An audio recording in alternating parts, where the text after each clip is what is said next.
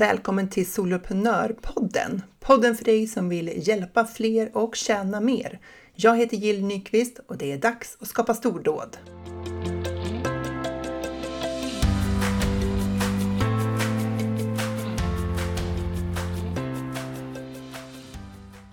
Jag brukar ju säga att det här med att driva företag, det är inte för vem som helst. Att vägen eh, från härifrån till framgång, det eh, är inte alltid en rak linje och det, vi ställs inför många beslut och många, eh, ja, men många svåra vägval. Därför känns det jätteroligt att dela med mig av det här samtalet som jag hade med Ann-Katrin Noreliusson som eh, driver Familjebalans. För att hon delar öppenhjärtligt med sig av sina funderingar och vad hon har lärt sig efter vägen och hur hon har tänkt i olika beslut och bland annat det här beslutet om att eh, nischa ner. Att inte prata till alla utan att prata till dem som hon ville hjälpa som allra, allra mest. Så varmt välkommen till min, mitt samtal med Ann-Katrin som är en av medlemmarna i Soloprenörerna. Idag har jag med mig en av mina medlemmar i Soloprenörerna. Det är Ann-Katrin Noreliusson som driver företaget Familjebalans. Varmt välkommen till Soloprenörpodden Ann-Katrin. Tack Jill, vad kul att vara här. Det är så roligt att ha dig med här för att du och jag vi, vi kände ju varandra längre tillbaka innan jag startade Soloprenörerna för att du jobbar ju också inom NPF-området som jag gör ja. andra ben i företaget. Precis, precis. Så att vi har ju poddat några gånger fast om ett helt annat ämne än vad vi ska prata om idag. Ja, precis. Så, men du, berätta, vad är det du gör och vilka hjälper du och vad hjälper du med? Mm. De jag hjälper, det är ju anhöriga som har någon med OCD i familjen, alltså tvångssyndrom. Och det kan jag, som anhörig kan jag ju vara både mamma, pappa, syskon, partner, farmor, mormor, farfar, morfar. Alltså det spelar ingen roll, för alltså vi anhöriga är så oerhört viktiga när det finns OCD i vår närhet, för att det avgör väldigt mycket hur vi gör vi som finns runt omkring. Och OCD eller tvångssyndrom, det är en anhörigsjukdom, helt klart. Vi är involverade på alla sätt och vis. Så det är min målgrupp och de är de absolut viktigaste människorna som finns för mig. För jag är ju själv anhörig och har en son med OCD. Så jag vet liksom hur viktigt det är. Och det är upprinnelsen till det jag gör. För jag mm. gjorde, eller jag startade företaget Familjebalans för är det åtta år i år. Mm och var ju bred. Jag hade ju hela NPF-spektrat från början. Jag föreläste om ADHD, autism, OCD, Tourette, liksom hela kittet. Va? Mm. Men i, det är nog du som har fått mig faktiskt. du som fick mig att ta det där slutgiltiga liksom, beslutet att jag måste smalna ner. Och jag kände ju att ja, det är ju dem jag vill jobba med. Det är ju de anhöriga och det är ju mycket smalare. Mm. Men det blir så mycket lättare att vara tydlig. Och jag hade ju gjort en webbkurs för två år sedan, två och ett halvt år sedan som jag sålde. Som är liksom grunden i, mitt, eh, i min medlemstjänst som heter OCD-hjälpen för anhöriga. Just det. Så du gjorde det här, liksom, det här plågsamma, så jag tänker att många som lyssnar på Soloprenörpodden kanske är i och mm. tvekar inför att nischa mm. ner. Yes, yes. Eh, för att, vad var det som, som eh, hur gick det beslutet till för dig? Vad var det som du tyckte var svårt eller varför, varför tog det tid för dig att komma dit? Mm. Jo, det var så här att jag kände att eh, jag vill ju hjälpa alla. Ja. Alla, alla anhöriga som hade någon med NPF i familjen och genom att min son har ADHD, OCD, Tourette och eh, eh, autism. Ja. Så kände jag att ja, men jag vill ju hjälpa alla de anhöriga. Det är ju mina föräldrar, alltså inom citationstecken. Ja. Alltså det är ju dem jag vill jobba med och för. Men alltså det var så luddigt så det var ju ingen som fattade vad jag gjorde riktigt. Nej. Så det var därför som jag hade blivit tillsagd under åren, men alltså du måste smalna ner. Ja. Nej, sa jag, det går inte. Det går inte. Jag måste hjälpa alla de här. Jag måste hjälpa alla de här. Och eh, när du sen sa att nej, jag tycker du ska dra ihop dig till OCD för att eh, det, det, är mycket bättre så för dig. Och då kände jag det, mm, jag kanske ska fundera lite ordentligt på det här då. Och kände att ja, OCD är det svåraste av de här diagnoserna vi har. Mm. Det finns ingen hjälp för de här anhöriga. De har det jätte, jätte, jättetufft. De mm. träffar sällan någon annan som har det liknande som dem. Och idag pratas det jättemycket om ADHD, jättemycket om autism. Alltså det finns så mycket att läsa och så mycket att hitta inom de andra diagnoserna, men inte om OCD. Där är det så tunt. Så då tänkte jag det, ja men då tar jag den bollen och så gör jag det. Mm. Men alltså jag förstår din tvekan där och jag tror att många känner igen sig i det där. För att ofta så startar man företag inom ett område man är passionerad för och mm. man har den här genuina önskan om att hjälpa andra. Mm. Um, och sen, uh, du hade all den här kunskapen i och med att din son hade diagnoserna, vilket gjorde att du också kunde hjälpa fler. Alltså du hade mm. liksom rent kunskapsmässigt så var du bred i din kunskap och, och sådär. Uh, och, men det jag tänkte att när jag pratade med dig, då, ja, jag är inte så himla smidig alla gånger, jag blir lite så här, gå påig när jag blir entusiastisk. Ja, men det behövs. Det behövs, Jill. uh, men uh, det, jag, jag, kände ändå, tyckte jag, att du utstrålar ju verkligen ett, en, ett särskilt brinn för just OCD. Ja. Att det liksom ändå var där du hade din riktigt så starka känslomässiga kärna. Mm. Sen den, mm. det andra liksom var angeläget också, men just det där OCD var liksom ännu mer angeläget. Ja. Jo, men också just det där att du finns för de som har ADHD. Det finns ju andra som mm. har liksom jobbat mot nischen ADHD. Mm. Men alltså de här människorna som har OCD i familjen, de är totalt ensamma. Mm. De är ju det. Så att det var ju så rätt att jag fick den här puffen, knuffen eller sådär. nu visar jag med handen, sådär, ja, liksom, riktig buff sådär. Ja. Att det var jätteviktigt att jag fick den. Verkligen. För att det här har blivit så jädra mycket lättare. Ja, men beskriv liksom vad skillnaden är för dig att kommunicera nu jämfört med tidigare. Jo, men alltså, förr skulle jag ju göra en sån här idealkund. Jag skulle liksom tänka en speciell person. Men alltså, den, där var, den vart ju jätte, jätteluddig, för jag kunde inte. Jag kunde inte kanalisera alla de här delarna in i en person. Nej, nej. Men nu när jag har min OCD, jag kan inte göra det så exakt. Jag, jag har inte brytt mig om att gjort exakt så där idealkundstänk, att jag ska ha vilken färg de gillar och vilken bil de har och så. Det har jag inte. Utan jag har det här att de har någon med OCD i familjen. De har de här svårigheterna mm. och det här kan jag hjälpa dem med. Alltså det blev ju så mycket lättare att prata om det.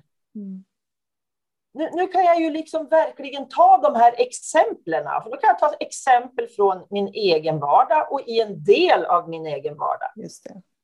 Och tack vare då dina workshops så får jag ju kunna, kan jag ju skriva texterna på ett sånt otroligt kraftfullt sätt. Mm, jag, vet, jag märker jättestor skillnad på ditt textskrivande. Alltså jag skrev ju tillbaka till dig, vi har ju ja. din e-postlista. Ja.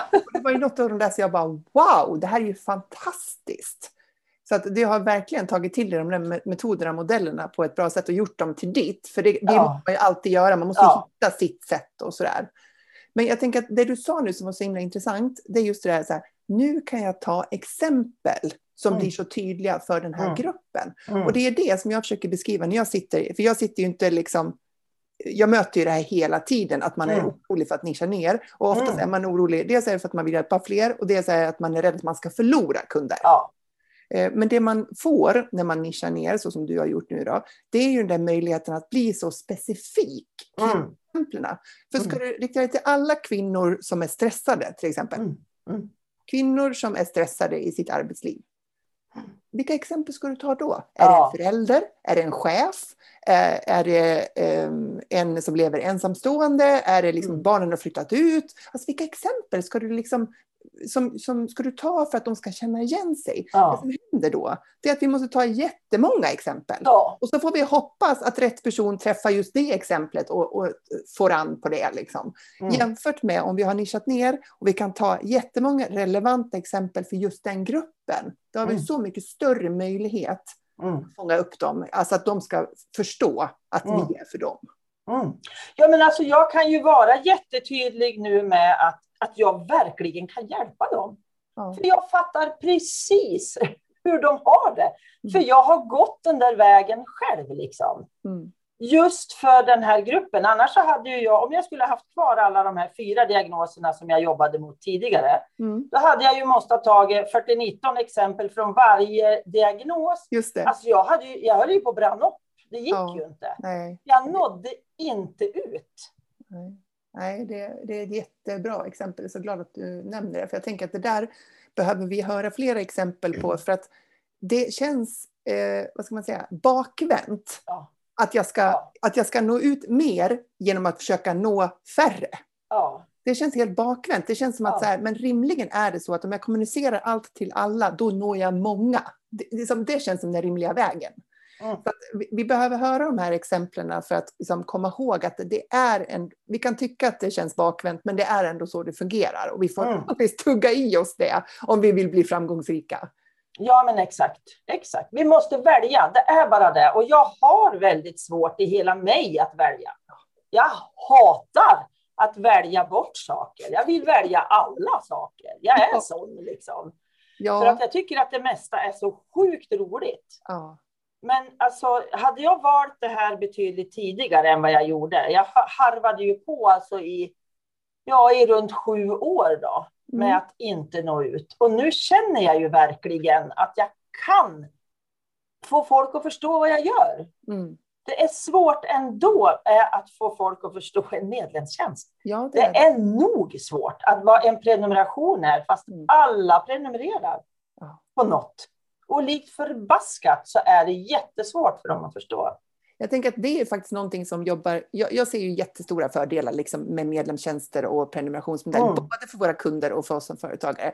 Men det där är verkligen en nackdel. Att ja. det är lite nytt i Sverige. Eh, så att, mm. och då kan vi tänka att vi som sätter igång nu då, och har varit igång ett tag och så. Vi är ändå liksom i framkant av den här vågen som jag tror kommer. Mm. För att mm. Många människor kanske vet vad en onlinekurs är eller webbkurser mm. och sådär. Det har man kanske börjat vant med i Sverige. Liksom. Mm. Men just det här med eh, prenumerationsmodeller, det är ovanligt i Sverige fortfarande. Mm. Men nu är ju du liksom på det här och det kommer bli vanligare och vanligare och då tänker jag att då är ju vi med när det här kommer att ja. lyfta liksom, i ja. samhället. Och så. Men jag håller med, det är en nackdel där med att man måste förklara själva upplägget blir väldigt abstrakt och konstigt för folk. Mm, precis, ja. Jag har mygga här. Ja, det är myggtider nu.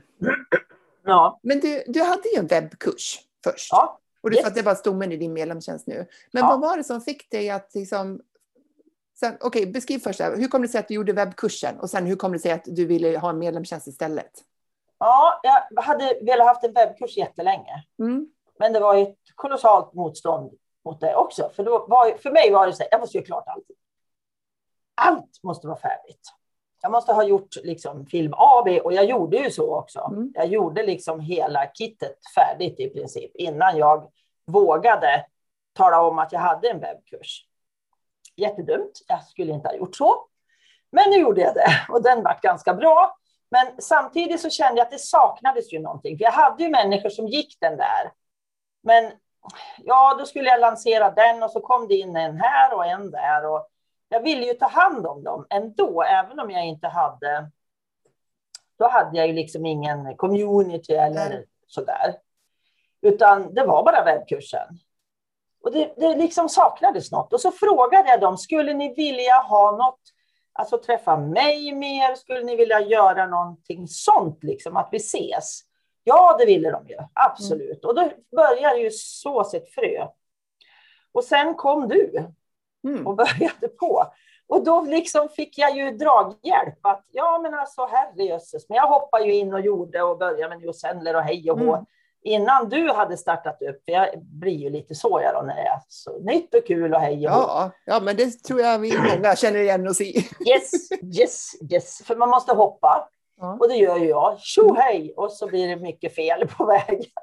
Men ändå tänkte jag, ja men jag hade ju inte ens, tror jag, Newsendly klart när jag då hade berättat att jag hade det här. Så jag fick ju in 20 stycken som då fick komma in som testpiloter. Ja, just det.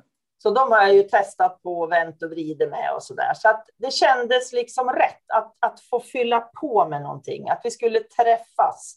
Mm. Och det är det som de pratar jättemycket om. Tänk att få sitta och, och liksom umgås med människor som jag aldrig skulle ha hittat annars. För medlemmarna är ju från hela Sverige. Ja. Det har inte ökat jättemycket min medlemstjänst, för ett drös har hoppat av. Mm. Bland annat har någon hoppat av för att problemen finns inte i familjen längre. Det har blivit så mycket bättre Oh. av att gå min webbkurs och att vara i den här gemenskapen. Så bara, yeah! Det är ju dit jag vill. Det är ju fantastiskt. Det är ju dit jag vill. Ja, att det ska liksom, liksom bli bättre av Ja. att vara med. Jag har ingen tanke om att det ska vara ett livslångt medlemskap. Nej. Det får man jättegärna ha. Men alltså min tanke är att det faktiskt ska generera hjälp, det jag gör. Mm. Så att de klarar sig bättre utan mig. Och då kan man ju verkligen säga att du har lyckats med det missionet om, om eh, du har fått den feedbacken. Ja, Mm. men så att nu är vi 30, eller de är 32 just nu, så att det har ökat ganska långsamt. Jag startade Mm. ju, jag släppte i oktober 2020, Ja, just det. var första. Och sen har jag haft då två lanseringar efter det. Mm, det är åtta månader ungefär nu och nu Ja. spelar in i juni. Mm. Ja, precis. Men, men de är ju jättenöjda av att få träffas. Mm. Det är ju det de säger. Alltså det är så fantastiskt. Och, och, och att liksom, jag kan få träffa människor som har samma problematik som jag. De är inte exakt likadana, barnen eller partnerna. Nej. Men det är ändå en gemenskap som de aldrig har känt för. Och det är liksom, ja, jag blir ju alldeles, hela jag blir ju galen av lycka, jag säga. För att det är så häftigt. Det är så Ja, häftigt. Ja, alltså tänk dig att du liksom har skapat den här möjligheten för de människorna. Så att över 30 personer har den här möjligheten som de inte skulle haft annars. För Nej, det, finns, det som du säger, det, det här var ju också liksom en liten blind fläck på hjälpkartan om man säger. Att det inte fanns Ja. nå, någon stöd att få inom OCD och på något vettigt sätt. Liksom. nej. Det finns, det finns ju på BUP har de ju oftast någon slags anhörigutbildning eller något sånt där. Men det är också begränsat. Det är ju en kort period och de kanske inte ens får träffa andra familjer. Nej. Och när, och, alltså det, problemet är ännu större när jag har vuxna barn. Mm. Då är, och, alltså OCD är oftast kanske ännu värre när jag har ett vuxet barn. Därför att den barnet har, eller ja, min unge då, har inte fått hjälp. Nej. Så att det har, och då eskalerar det ju bara. Det blir ju bara värre och värre och värre om jag inte tar tag i det på ett ganska tidigt stadium. Ja. Så att eh, sätt, liksom. svårigheterna, ja, och svårigheterna blir ofta större. Och de har ju en enormt behov av att träffa andra Mm. och få stöd i det här då. Och Och, det så talar vuxen, vuxenpsykiatrin måste jag ju säga, de hanterar anhöriga väldigt dåligt. Ja. Och det vet de, för jag har varit på dem som fasiken här i min region, Ja. Gävleborg. För att eh, jag är med i ett föreningsnätverk här också då, för att se till att det måste bli en förändring. Det går inte att ha det så här. Nej. Och alltså det är en svårighet också då. Jag, jag tänker säga så här.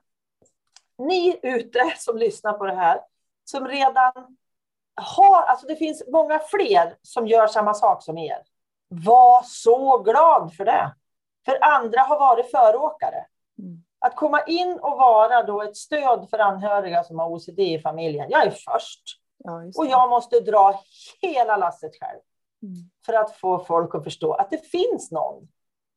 Så att det är mycket lättare, liksom, ja, men om det är en nisch som redan finns, så var Mm. glad för det. Tänk på att samarbete behöver, liksom, konkurrens måste inte vara grejen, utan samverkan kan vara att vi kan hjälpa varann, tänker jag. Jag har liksom ingen att hänga upp mig på. Nej, det är faktiskt väldigt intressant det du säger, för jag tänker att många kanske avhåller sig från att gå vidare med sin tanke, oavsett om det handlar om en webbkurs eller onlinekurs eller om det är liksom någon annan form av online eller medlemstjänst. Så kanske man tänker lite grann så här, det här är redan gjort. Mm. Någon annan har det redan och då är det ingen idé för mig. Mm. Men i själva verket så att någon annan har en eh, framgångsrik verksamhet inom något Mm. område där människor betalar för att få hjälp. Mm. Det Mm. betyder ju faktiskt att efterfrågan finns och att det är ett, någonting människor är beredda att betala för. Jajamän. För att behov, vi människor har massor av behov, så att det, liksom, behov Mm. finns det hur mycket som helst av, men alla Mm. de är vi inte beredda att betala för. Att få Nej. löst eller uppfyllt. Nej. Så att jag, det är bra att du lyfter det, för det, det tror jag är en, eh, också en sån där fallgrop man lätt hamnar i mentalt. Ja. Att man känner så här, oh nej, det är kört för mig. Ja. Men Men utifrån det, titta. Ja. ja. men alltså jag tänker på det här då, titta hur många frisser det finns. Ja. Alltså jag, jag vill ju inte ha alla, jag vill ju ha en. Ja. Alltså, vi Din behöver favorit. Ja. ja. vi behöver ju ett ut, urval liksom, där jag kan få välja själv vem, vem jag vill ha. Men jag då är ensam, liksom. då kan jag inte välja på någon. Det är monopol. Ja, men typ, det är inte bra. Det är inte bra. Ja, jag förstår. Men utifrån det behovet du beskriver så låter det som att en medlemstjänst är ett, egentligen ett bättre upplägg för dina eh, kunder, om man kallar dem för det, då, ja. än en webbkurs. För Absolut. att den pågår över tid och en webbkurs ja. kan aldrig möjliggöra den där typen av kontakt de kan få med varann om den håller på då i, ja inte vet jag, åtta veckor eller kanske som mest tolv veckor eller sådär. Ja nej. Webbkurs kan aldrig mäta sig. Webbkursen kan ligga inne i medlemstjänsten. För jag, jag uppmanar ju dem att gå den här, titta mm. på de här filmerna, gör de här uppgifterna och så har vi ju uppgift. Jag har ju bara ett, en uppgift i månaden liksom. Mm. Och där har vi då samtal runt den i den här träffen vi har som är två timmar då, en gång i mm. månaden.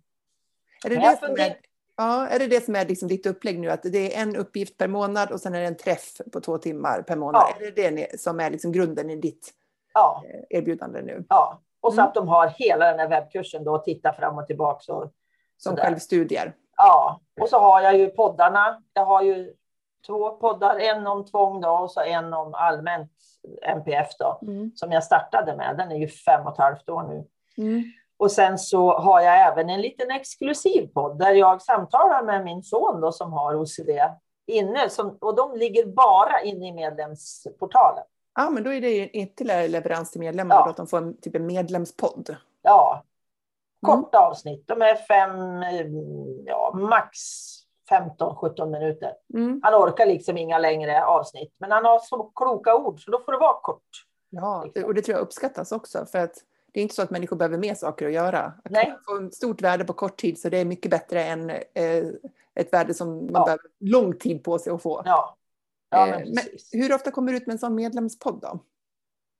Det, det jag, alltså, jag lyssnade på ditt poddavsnitt Aha. om poddar. Ja, podden om poddar, ja. podden om poddar.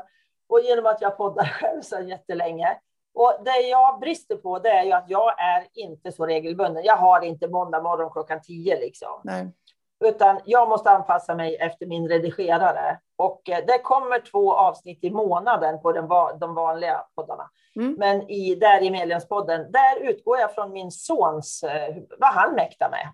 Ja, just det. Så att jag lägger in, det kanske kommer tre i taget, liksom, när jag har fått liksom, med han att mm. samtala om sin, sin problematik och hur han tänker. Liksom. Mm. Och jag tänker så där också, eh, att hur vi driver våra medlemstjänster, det är ju upp till oss. Och det, mm. det jag tänker är det viktigaste här, det är att man eh, håller det man har sagt att man ska göra. Mm. Så har du sagt att du ska vara regelbunden med någonting, ja då ska det vara det. Mm.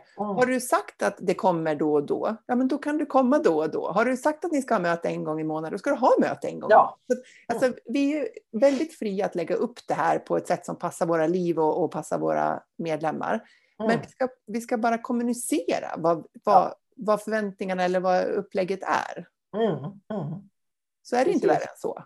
Nej, för jag har ju, de har ju hela året. De fick hela 2021 alla medlemsträffar.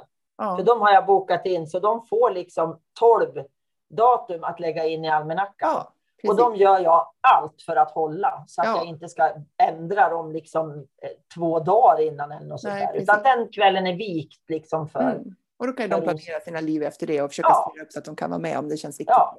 Spelas ja. de in eller är de bara live? De är bara live därför att jag har en kort introduktion. Sen delar jag upp dem i smågrupper. Och så får de liksom ha sina samtal i de här smågrupperna där de vänder och vrider ah, och pratar. Mm. Och jag ger, dem, jag ger dem temat som vi pratar om lite kort först. Mm. Och sen så får de fortsätta att prata i smågrupperna om det här temat och hur de relaterar till det och liksom lite diskussion. Ja, sådär. Ja. Mm. Men, men det kommer säkert att ändras över tid, tänker jag. För jag funderar på att dra ner de här två timmarna kanske till en och en halv mm. och så ha en ren workshop på en timme kanske, eller en och en halv. Att eh, det blir två tillfällen i månaden och så får de välja liksom det de tycker ja, är viktigast, liksom, eller det de vill vara med på. Så jag tänker jag kan erbjuda, för jag tycker inte att det är det är inte så belastande för mig att Nej. göra det här. För jag tycker att det är väldigt roligt själv. Mm. Så då kan de få det, fast det är en ganska billig. Jag har ju 199 kostar ju min nu i månaden. Mm. Och jag tänker att ja, men de kan få ett högt värde i alla fall. Och jag kanske höjer priset sen. Det, jag vet Mm. inte. Nej. Jag har, liksom, jag har ju lite just nu och så får jag se hur jag tänker och utvecklar framåt. Mm. Precis, för du, du har ju höjt ditt pris stegvis då. Från, du började Ja. på 99, eller hur? Ja, Ja, och höjde du någon trappa emellan 100. eller var det, var det från 99 Ja. till 199? nej, 129 tror jag det var, eller 149, eller något sånt. Så det fanns ett mellansteg där. Ja. Ja, ett mellansteg. Mm. Och nu vart det 199 och det är mycket troligt att det blir 250 kanske eller något. Jag vet inte. Nej. Och det är också någonting som, eh, som man rekommenderar när man jobbar med medlemstjänster. Det är att börja lägre men att sikta högre. Mm. Eh, Mm. Sådär. Och eh, ska man, ska man erbjuda den här typen av billiga medlemstjänster, det, så har, jag på, har ju vi på Funka med ADHD också, kostar 199 kronor i månaden. Det är ju ett Mm. lågt månadspris om man tänker Mm. på det värdet som man får. Och då blir det ju, ska man få en ekonomisk hållbarhet i det så behöver ju, dels behöver det ju vara inte så, vad ska man säga, det, inte, det får inte kräva allt för många timmars arbete. Nej. Eh, och sen är det ju det här med att man skulle behöva sälja på volym, då, att man får in många medlemmar. Ja. Eh, och, och då kommer man ju in på det här med att man måste öka sin räckvidd och man måste jobba med marknadsföring och försäljning. Mm. Liksom. Så vilka kanaler jobbar du med för att nå ut? ja, det är ju framförallt poddarna.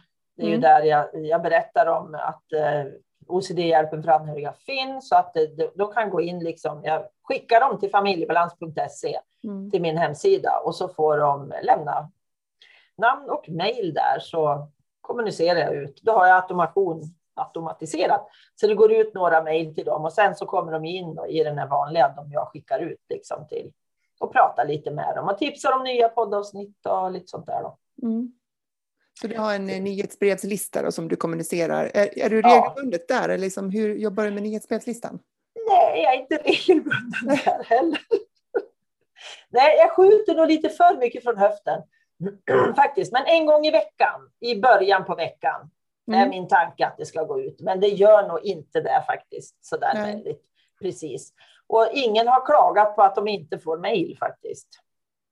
Nej, alltså oftast är det inte så att folk tänker att eh, oj, nu, går jag, nu avprenumererar jag för det kommer inget mejl. Däremot tänker jag att du säkert skulle tjäna på att vara Ja, regelbunden utifrån ditt perspektiv. liksom. Ja, absolut. Mm. absolut. Och göra lite mer, alltså förbereda mer skulle jag behöva göra. Men jag, är ju, jag går ju liksom på inspiration. Ja. Mm. Tjoho! Nu var det kul att skriva och så skriver jag. Så att, och det är inte så bra. Jag känner ju det för mig själv. Jag kan ju få en liten stress då på söndag kväll. Liksom, fan, jag måste ju sätta mig och, jag måste ju sätta mig och skriva det här. Liksom. Och egentligen har jag hur mycket som helst att skriva om, men det ska ju liksom, jag ska ju hitta det där jag hade tänkt också. Ja. Eh, Jag tycker att det är hjälpsamt att man har bestämt en dag som man ska skicka ut, alltså en, en specifik dag. Ja, Eh, För att för mig hjälper det jättemycket att jag vet att Soloprenörpodden ska publiceras klockan sex varje måndag. Och att jag Okej. då under förmiddagen eh, oftast då ska ut med ett mejl också om att det finns ett nytt poddavsnitt. Men Ja. då zoomar ju min hjärna in på att så här, det är där leveransen sker. Det är inte så här, någon gång i början på veckan utan Nej, ett specifikt tillfälle. Och det hjälper mig att, att eh, ska- skapa tid för det.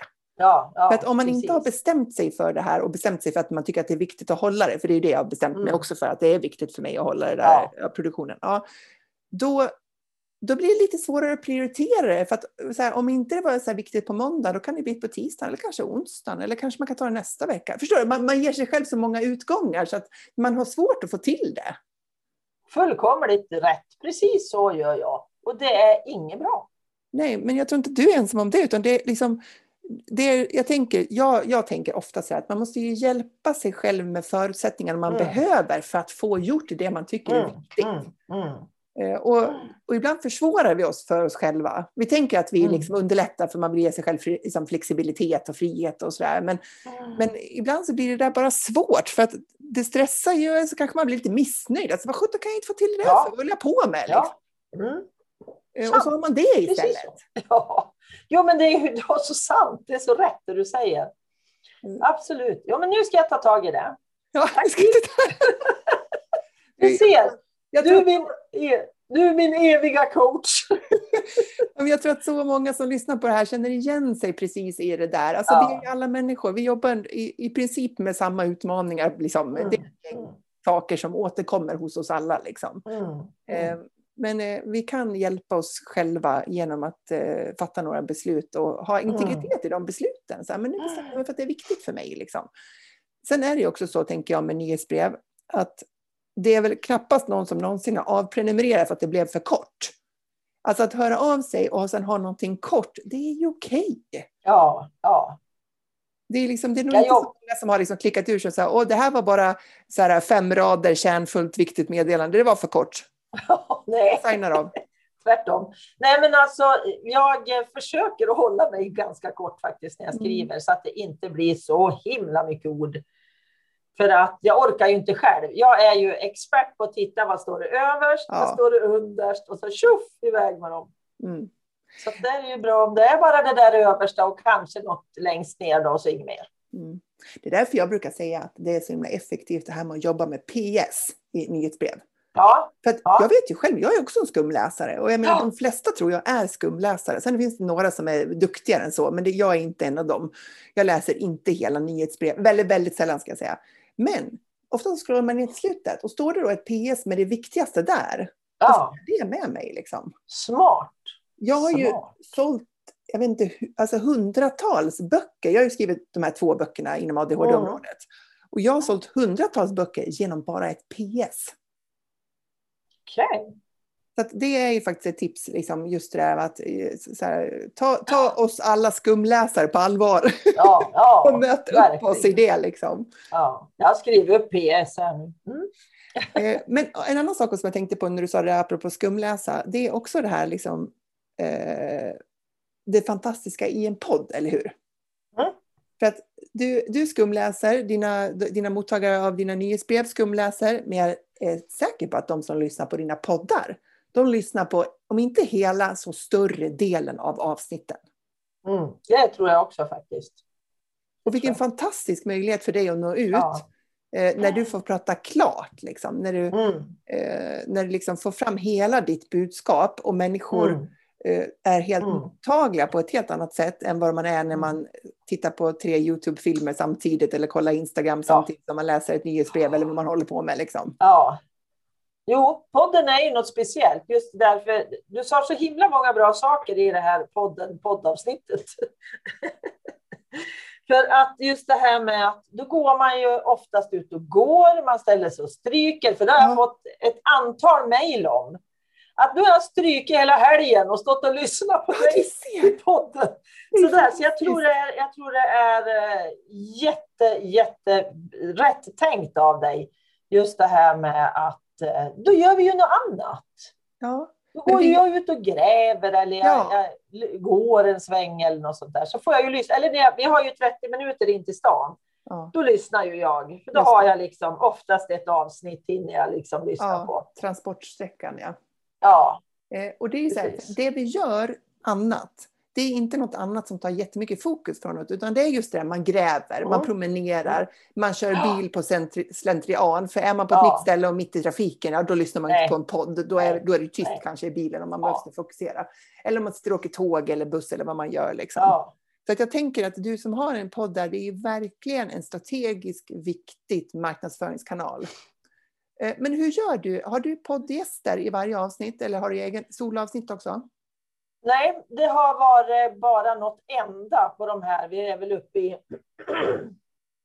vad kan vi ha då? Vi har 120 tror jag i familjebalanspodden.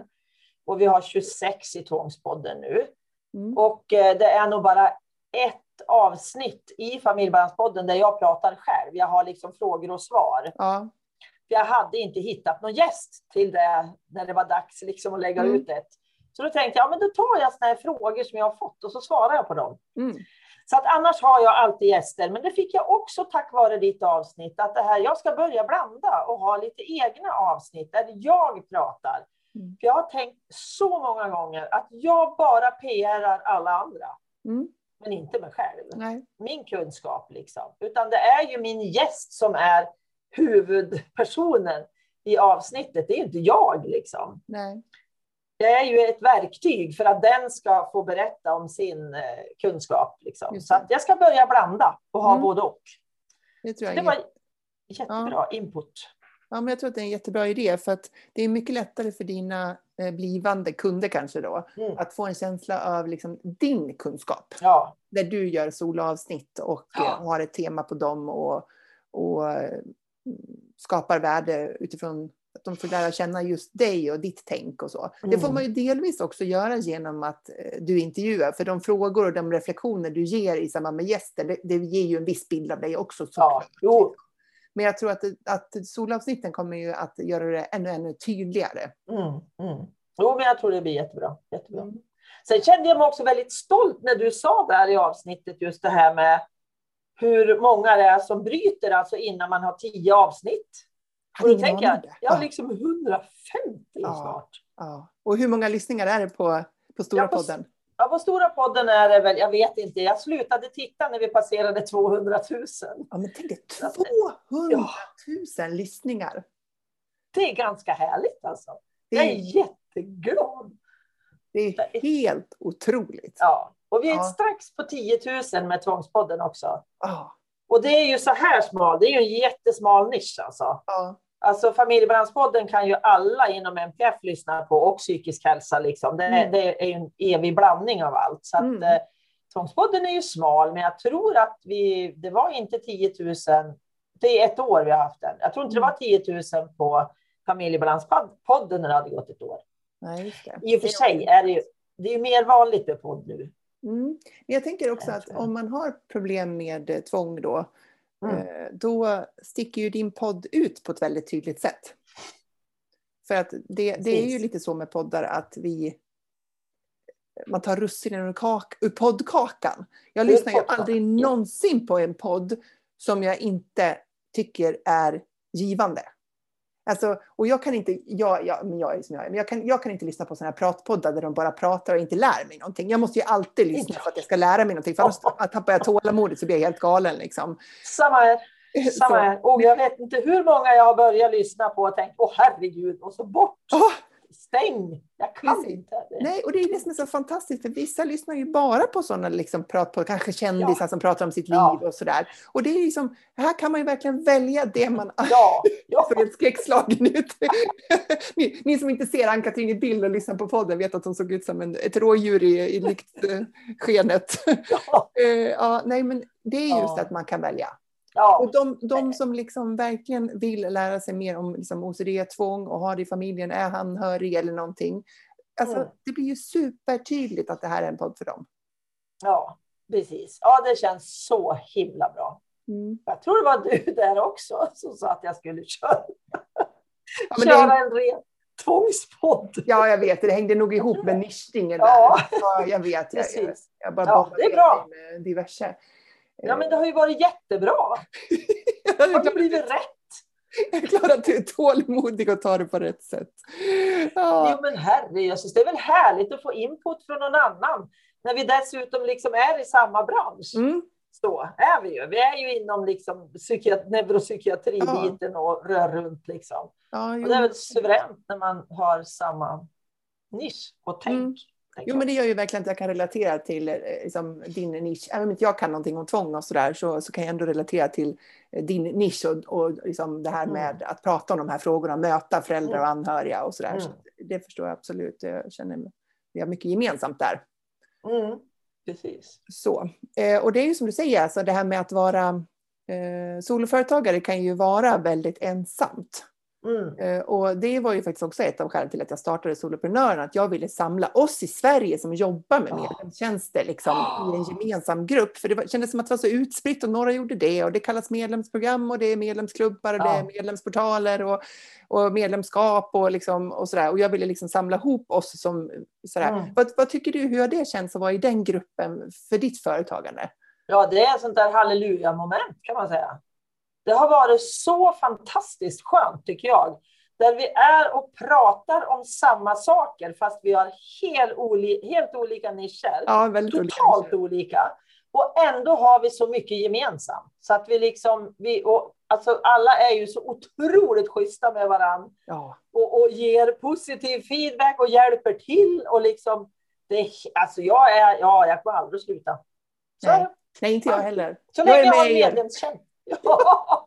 Nej, men alltså, och du, du, det är så mycket innehåll. Du ger oss otroligt mycket hjälp och innehåll. Så är det ju. Ja, men vad kul att du tycker det. Och vi ses ju liksom var och varannan vecka har vi ju liksom workshop och vi har medlemsträff Träff liksom. träff och vi har alltså, ja, suveränt. Och gruppcoachingarna är ju su super tycker jag.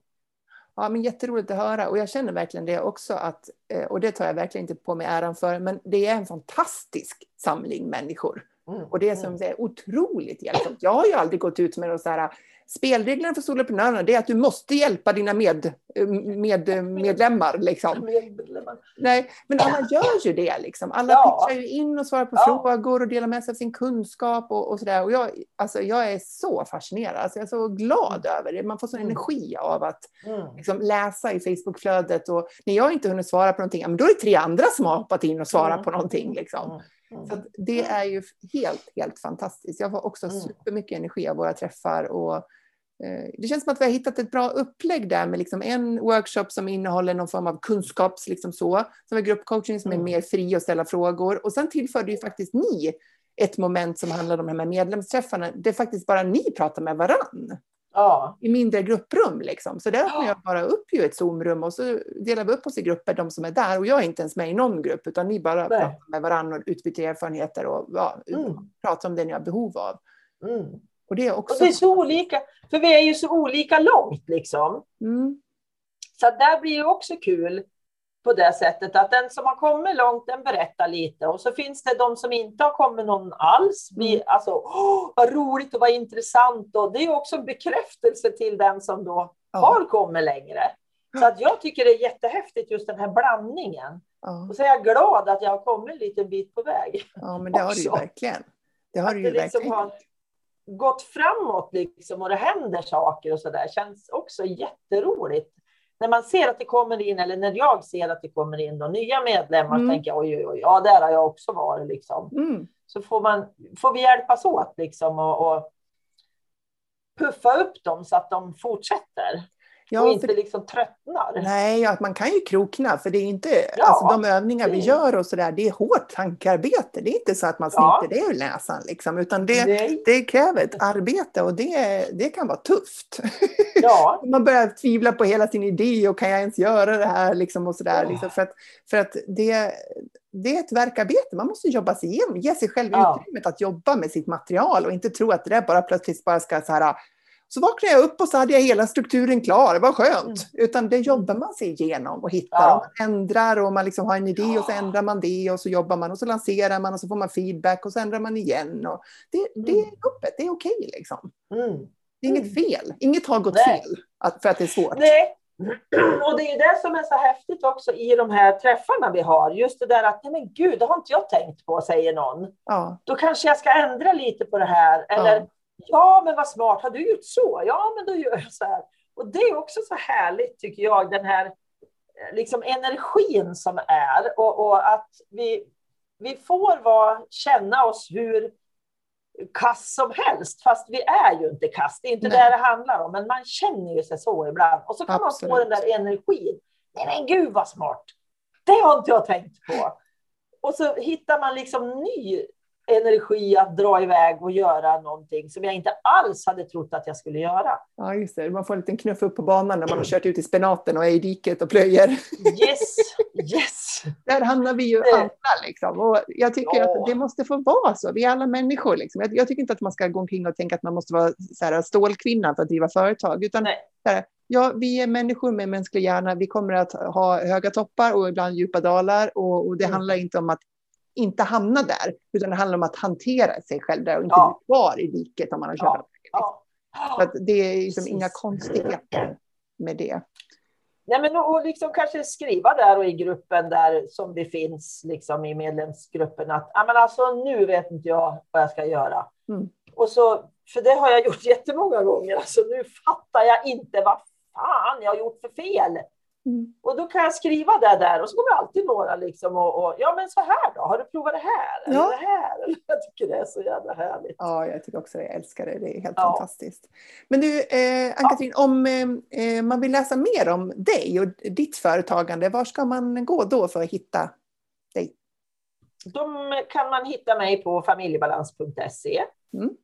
Och eh, är man intresserad av OCD så klickar man där det står OCD i menyn. Och där finns det lite olika saker som man kan titta på. Mm. Det är lite information om OCD-hjälpen och så där så att man kan få lite koll på det. Finns du på Instagram? Jag finns på Instagram och har tyvärr tre konton idag. Jag ska dra ner. Det blir ju lite mycket av allting. Ja. Så att jag har tre där. Men familjebalans och tvångspodden är det som är det jag rekommenderar. Ja, just det. Familjebalans och tvångspodden på Instagram. Ja. Du, tusen tack för att du var med och delade med dig av din resa här i Soloprenörpodden. Mm, tack själv Jill, det var jätteroligt att få vara med. Ja, det var jättekul. Ja, det var roligt att prata med dig. Jag hoppas att du som lyssnar har fått lite inspiration eh, av Ann-Katrin här för att du ska kunna fortsätta på dina stordåd. Du gillar Soloprenörpodden, då kommer du älska min medlemstjänst Soloprenörerna. Och om du älskar att hjälpa människor med din kunskap, då kommer du verkligen uppskatta att jobba online genom att driva en medlemstjänst. Medlemstjänster är det roligaste sättet att sälja dina tjänster online för att nå den frihet du strävar efter och få de intäkter du drömt om och för att hjälpa dem just du brinner för. Den 23 augusti då öppnar jag Soloprenörerna igen och jag hoppas att du kliver in genom dörrarna då så att du kan skapa dina stordåd online.